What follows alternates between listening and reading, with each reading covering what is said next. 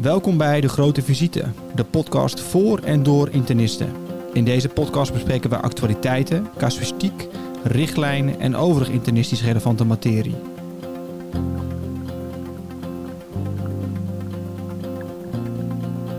Hallo, mijn naam is Dirk Jamons, podcast-host bij De Grote Visite, de podcast voor en door internisten.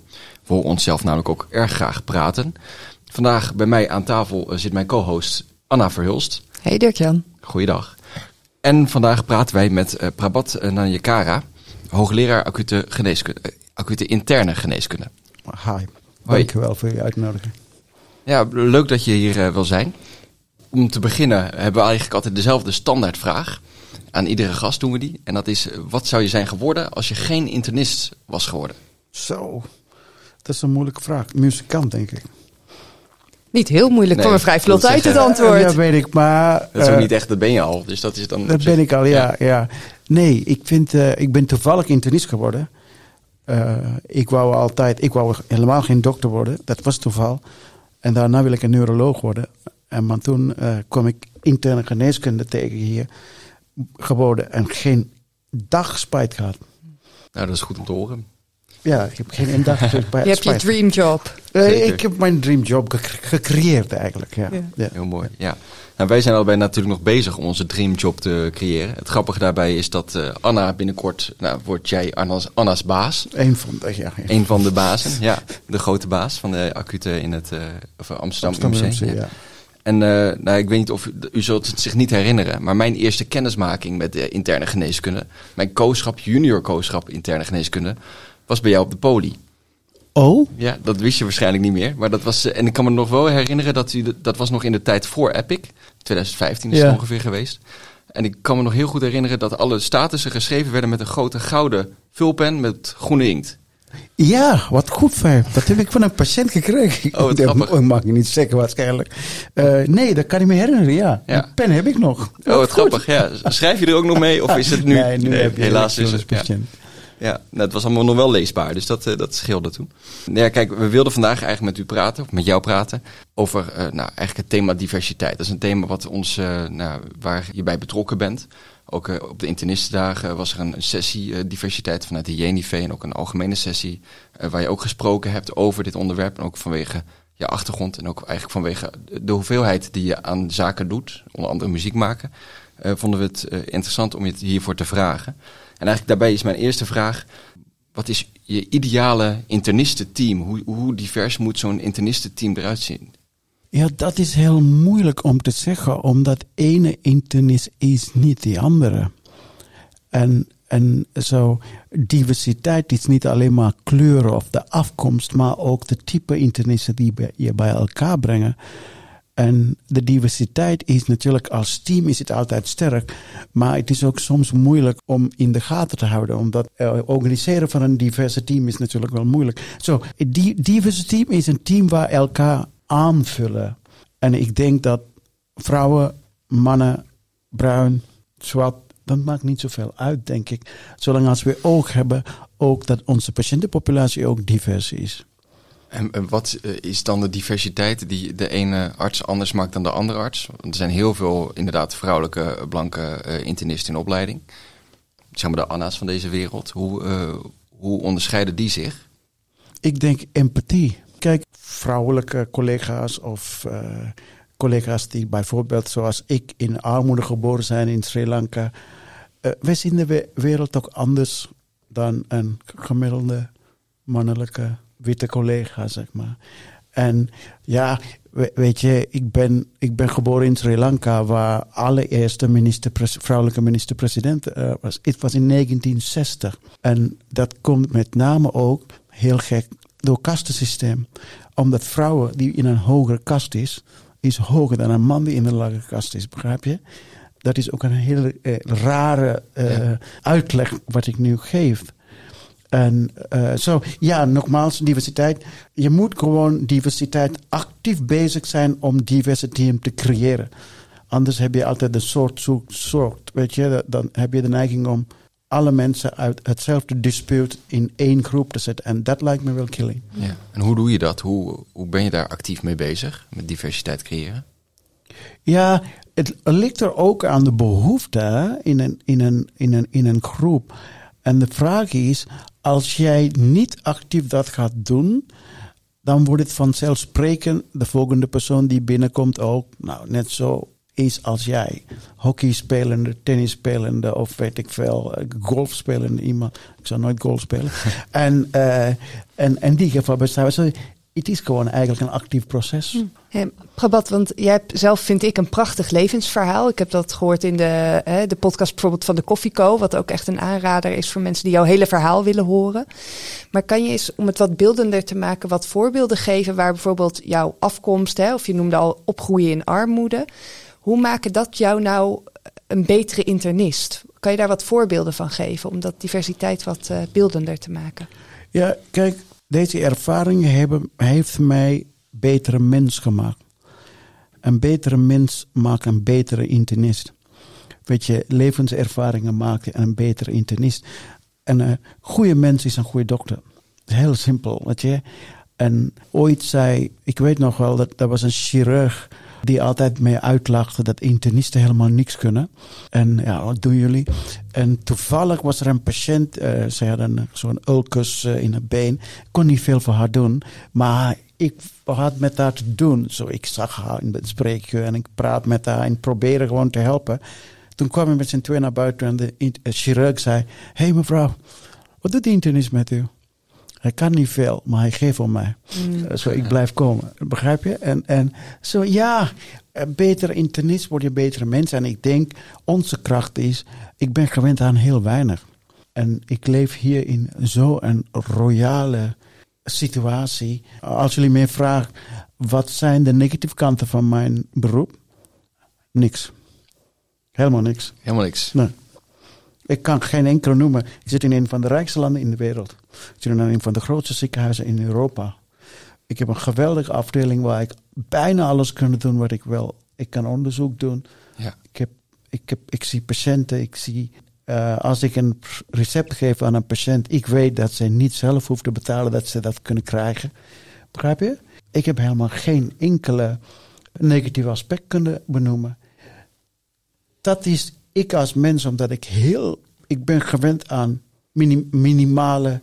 Uh, minim, ik ben een minimalist. Dat komt ook door mijn werk, uh, levenservaringen. Zo, ik zeg altijd dat de slechtste dag van mij in het ziekenhuis lopen 5 miljard mensen op aarde die slechter hebben dan ik. Zelfs denk ik. En dat is een onderschatting. Hmm. Je kan heel goed relativeren eigenlijk.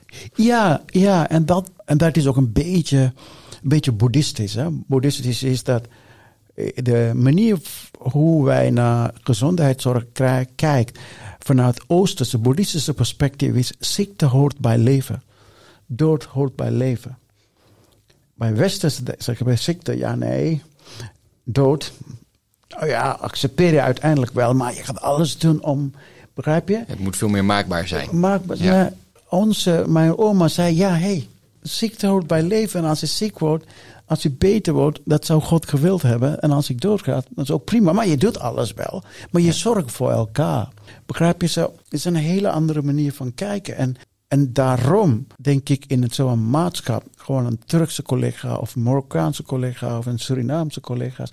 Weet je, ik ben de hoofd van de acute opnameafdeling. En van de leukste dingen wat ik doe is de keuken binnenlopen. Daar zit altijd vrolijke Surinaamse dames die gewoon eten rondbrengen. Het is één grote feest.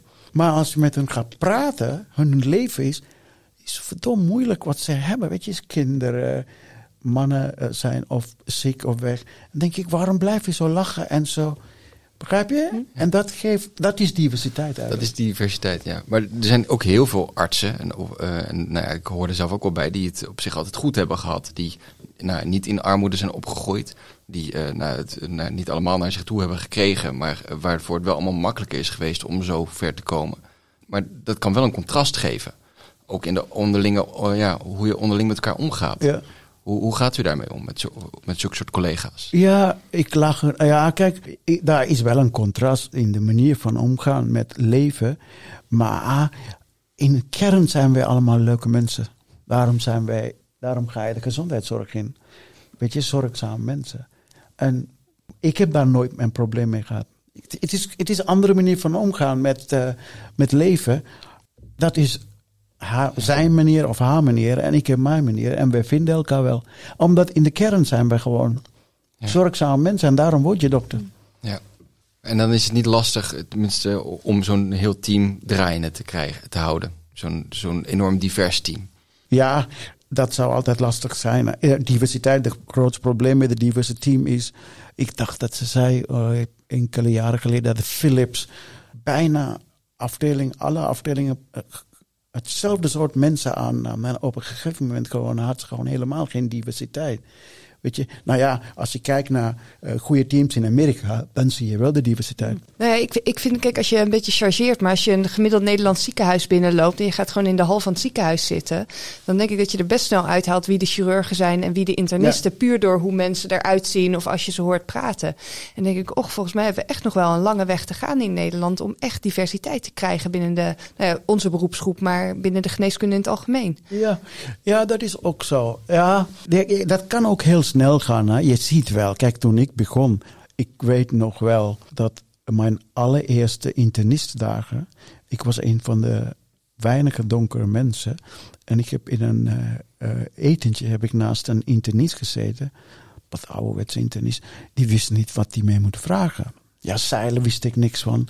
Golven wist ik niks van. Begrijp je? Die wist echt niet. Ik, dat was een van de langste avonden. Ik denk, oh maar, ik moet hier weg. Dat is al lang niet meer. Nee. Weet je, dat is gewoon echt, dat is gewoon al lang niet meer. En, en dat weet ik nog wel. De allereerste dag, toen dacht ik, ja, wat doe ik hier? Begrijp je? Maar ja, zo, look on the bright side. Het gaat wel beter. En het zou ook alleen maar beter zullen worden. Je, je, je moet wel uh, actief daar uh, actief sturen. Je moet actief zoeken ernaar. Ja, ja, ja. Hoe doe je dat daar actief naar zoeken? Is dat iets waar jij bijvoorbeeld sollicitatiegesprekken of hoe, hoe, hoe vind je nou diversiteit? Ja, nou ja, ik heb uh, um, een groep van promovendi kunnen opbouwen, zeg maar. En onbewust is het gewoon een hele diverse groep geworden. Van vrouwen en jongens en meisjes die hier geboren zijn. Surinamers, eh, nu een Marokkaans meisje. Um, en ook nog, nog enkele andere nationaliteiten. Maar dat is heel natuurlijk gegaan. En in sollicitaties hebben we nooit actief gekeken, wij gaan zo iemand zoeken. Maar als je denkt, hij of zij past bij het team en die brengt iets nieuws met zich mee, dan moet je gewoon dat doen. En dat kan ook aan gewoon iemand zijn uit ik gooi, maar ja, who cares? Moet toch iemand mee kunnen praten over zeilen bij de volgende ja? Ja, ja, ja, iemand moet kunnen praten. Nee, heel duidelijk en heel mooi uh, dat u dat zo zegt. Uh, ik was zelf nog wel ik, ik had nog een ander onderwerp, eigenlijk iets wat ik ook uh, wilde aanhalen. En dat is eigenlijk de andere passie, behoudens het vak interne geneeskunde. En dat is muziek. Want je speelt in een band, je maakt muziek. en de band is, heet Serendip, begreep ik. Ja, ja ik, ik, speel, ik, ik schrijf muziek en Serendip is eigenlijk mijn artiestennaam. Ah, oké, op die manier. Waar komt die naam vandaan? Het klinkt als serendipity. Ja, serendipity. Het serendip is de oude uh, Persische naam voor Sri Lanka. Ah. En die serendipity verhaal gaat dat daar ooit drie prinsen uit Sri Lanka naar Midden-Oosten ging en daar allerlei toevallige ontdekkingen maakten. En dat is serendipity. Ja. Serendip komt daar vandaan. Eigenlijk serendipity komt daar vandaan. Uh, serendipity komt daar, daar vandaan. Zo, de allereerste ding, Frits Holleman ken je wel, als eerste dingen waar iets wat ik toen Frits tegenkwam, zei ik tegen hem: Oké, je bent de opleider, maar ik ben een prins. Zo. Frits Holleman, een van de opleiders van de acute in uh, Amsterdam. Ja. Maar ja, weet je, het is gewoon een uh, serendipity komt daar vandaan. Ja, op die manier. Ja. En heeft dat nog een bepaalde betekenis waarom, die naam, waarom je die naam hebt gekozen? Ik heb, uh, toen ik muziek ging schrijven, hadden wij allerlei namen bedacht. Maar dit vond ik wel, omdat uh, mijn hele leven zit in, met toevalligheid in elkaar. Hoe ik geneeskunde ging studeren, hoe ik uh, door de oorlog Nederlandse familie tegenkwam en in Nederland terecht kwam. Hoe ik in VUMC terecht kwam, voor mijn opleiding, VU zeg maar. Het is allemaal toevallig. Het is allemaal gelukkige toevalligheden geweest. Zo, het past bij mij. Zo past het, ja. ja. En is het ook iets, is het muziek maken een onderdeel ook uh, wat, wat je meeneemt in je werk? Heb je er in je werk als internist wat aan? Ja, ik zeg altijd, uh, geneeskunde zit in mijn hart, muziek in mijn ziel. En we zijn allebei een soort kunstvorm. Weet je, geneeskunde is ook een kunst. En, en, en wie zei dat nou? Uh, medicine is the art of amusing the patient while nature cures the disease. Hè? Ja. Je, en 80% van de ziekten worden beter ondanks de dokter. Precies hetzelfde met COVID. Ja, ook. we ondersteunen een beetje, maar eigenlijk lost het lichaam we, we doen soms, ja, ik praat niet ook aan kassa, mm. we doen het wel heel erg moeilijk. Maar weet je, je, je praat met iemand, dan ga je gewoon even lief zijn en tender loving care.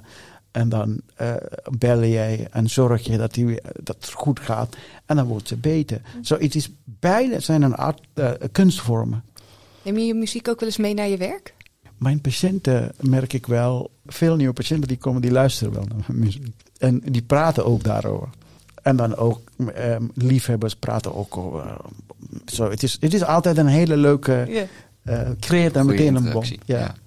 En heb je ook al eens een keer een liedje gespeeld op, in het ziekenhuis dan voor patiënten? Of dat nee, niet, voor uh, patiënten. Uh, ja, nee, niet voor patiënten. Collega's wel. Voor collega's wel, ja. Oké, dat snap ik wel. Ja. ja, ik heb nog een hele hoop vragen, maar je wilde ook een stukje muziek spelen. Dat vinden we heel leuk natuurlijk ook om, uh, om te horen. Dus dat willen we zo meteen ook gaan doen. Ik weet niet of jij nog verder vragen hebt. Uh, ik ben vooral benieuwd wat je voor ons gaat spelen. Of je al een tipje van de sluier kan oplichten. Of dat je ons gewoon gaat verrassen zometeen. Nee, ik had geen idee wat ik ging spelen. Maar ik dacht toen ik onderweg. Of vanochtend zag ik een foto. Dat, dat, dat was een foto waar zei. Alles is anders, maar niks is veranderd. En dat was een foto nu. En van Oekraïne, die vluchtelingenstroom. Een paar weken geleden was de Afghanistan uh, de stroom. Ja. En dan heb je Jemen, je hebt alles. Uh, en in Sri Lanka, uh, een collega van mij stuurde een foto van ehm, demonstrerende geneeskundestudenten nu, op dit moment, met, tegen de politie, zeg maar, tegen het systeem. De poli jullie weten wel, Sri Lanka is failliet inmiddels. En ze stuurde me de foto. Zeg dit wat? Ik zeg ja, 30 jaar geleden heb ik precies hetzelfde gedaan op precies hetzelfde plek tegen de politie. Dus toen schreef ik een liedje die heet Nowhere to Go. Ik dacht, ik ga dat spelen. Prachtig. Laten we gaan luisteren. Laten naar... we gaan luisteren. I was lying on my bed, singing the blues. Oh, With nowhere to go or nothing to lose. Just thinking about the days of my bloom. Now I need someone to take away my blues. Well, I want to be free, but it's just another word. When you got nowhere to go or nothing to lose. When your hopes are gone, your dreams aren't true. You can say free and sing the blues. So singing sharp, de la la la. Said I got nowhere to go, nowhere to lay. Singing sharp, de la la la. Everything is gone. I wanna run away.